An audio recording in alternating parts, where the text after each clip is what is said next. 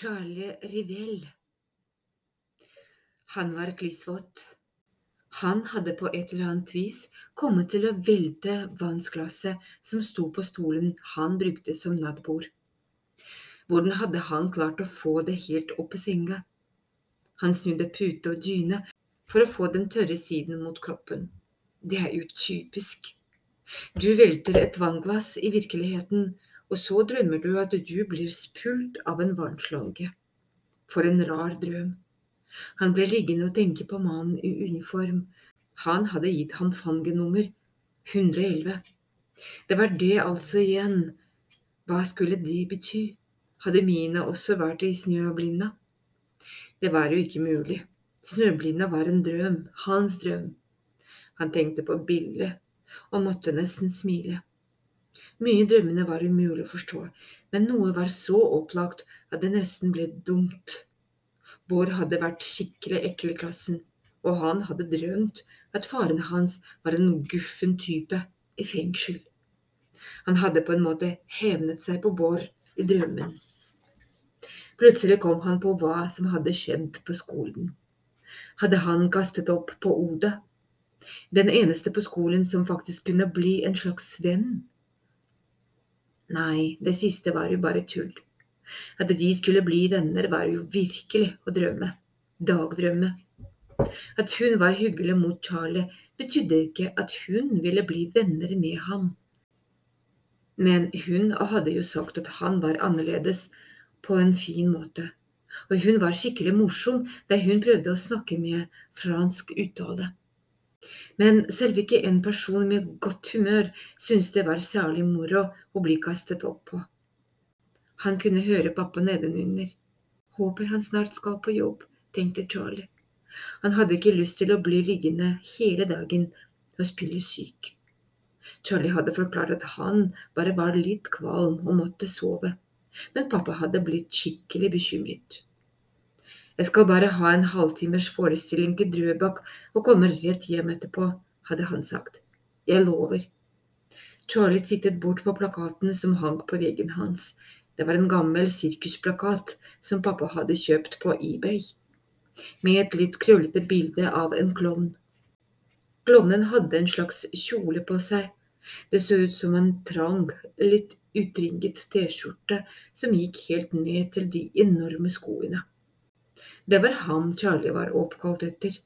Pappa elsket Charlie Rivell, og hadde på en eller annen måte klart å overtale mamma for at de skulle oppkalle Charlie etter ham. Charlie Rivell var død for mange år siden, men pappa visste alt om ham. Charlie Rivell var hans store forbilde. Charlie, verdens beste klovn. Charlie, han som var så berømt for å gråte. Ja, for det var det han pleide. Han lot som han slo seg, og så stakte han hodet rett opp i været og gråt. Han hikstet og gispet etter luft. En gammel klovn som gråt som et lite barn. Det var rart å se de filmklippene på YouTube, men han kunne ikke la være å le av ham, samtidig som man fikk lyst til å trøste ham. Skjønner du, pleide pappa å si, man blir et bedre menneske av å oppleve en god klovn. På en måte forsto han det. På kjøkkenet hadde pappa satt fram mat til ham. Rart å tenke på at han snart ville ha fullt klovneutstyr på seg for å få barnet Drøbak til å le, han som var så trist selv. Han hørte den lille meldingsblinket fra telefonen. God bedring. Oda? Hva skulle han svare? Han kunne i alle fall ikke si hvor glad han ble åpen og har vasket klovneskoene.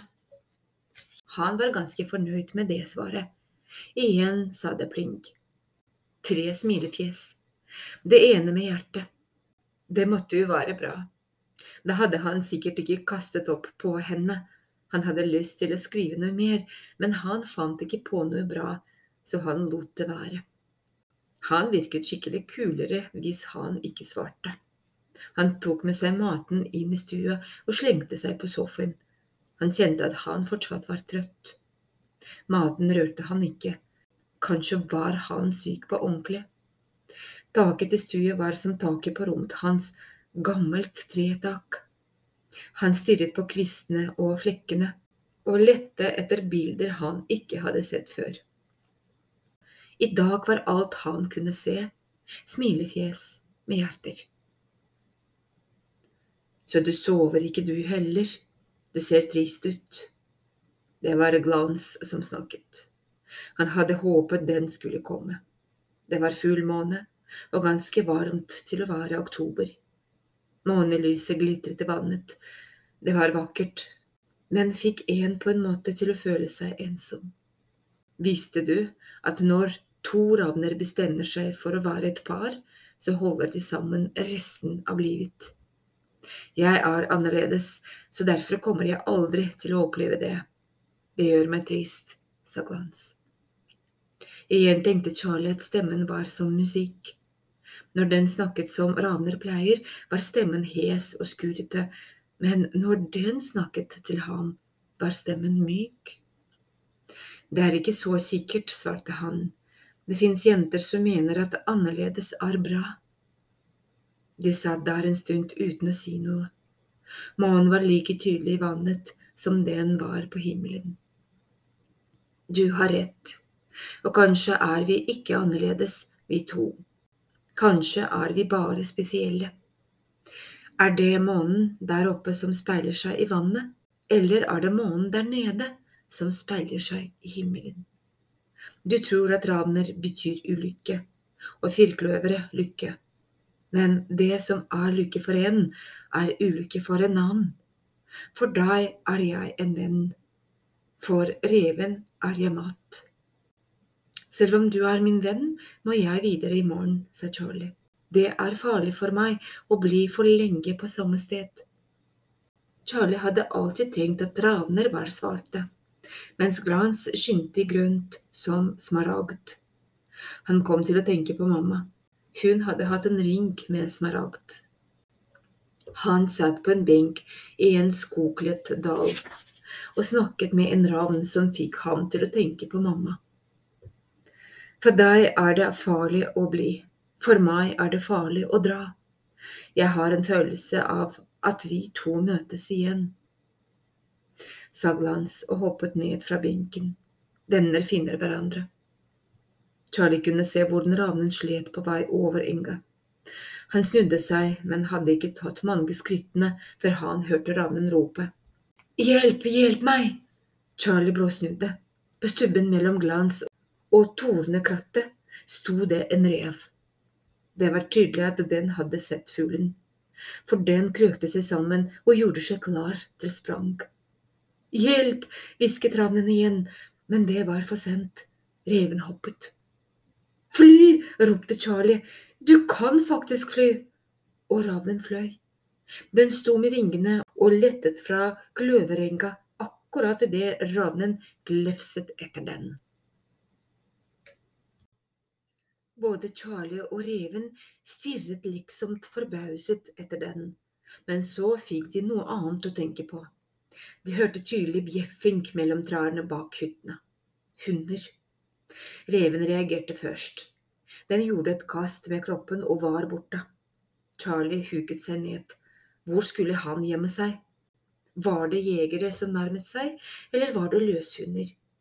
Ravnen landet elegant ved siden av ham. Det var som om den aldri hadde gjort annet enn å fly.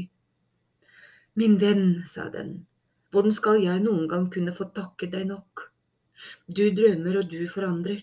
Husk det, Charlie drømmevandrer, du kan forandre drømmer. Husk det når du er i Andefjell. Andefjell? Husk det når du er i Andefjell, hadde Glenn sagt. Det var jo dit barna i kanoene var på vei. Han hadde da absolutt ikke tenkt seg i noe fjell. Han tittet rundt seg. Utrolig. Han hadde faktisk klart å sovne på sofaen i stua. Han fortet seg opp på rommet og hentet Mac-en. Han måtte få lagret både denne drømmen og drømmen fra Snøblinda mens de ennå var ferske i ham. Han satt ved kjøkkenbordet mens han skrev. Gjennom vinduet kunne han se Odd rake løv borte i hagen sin.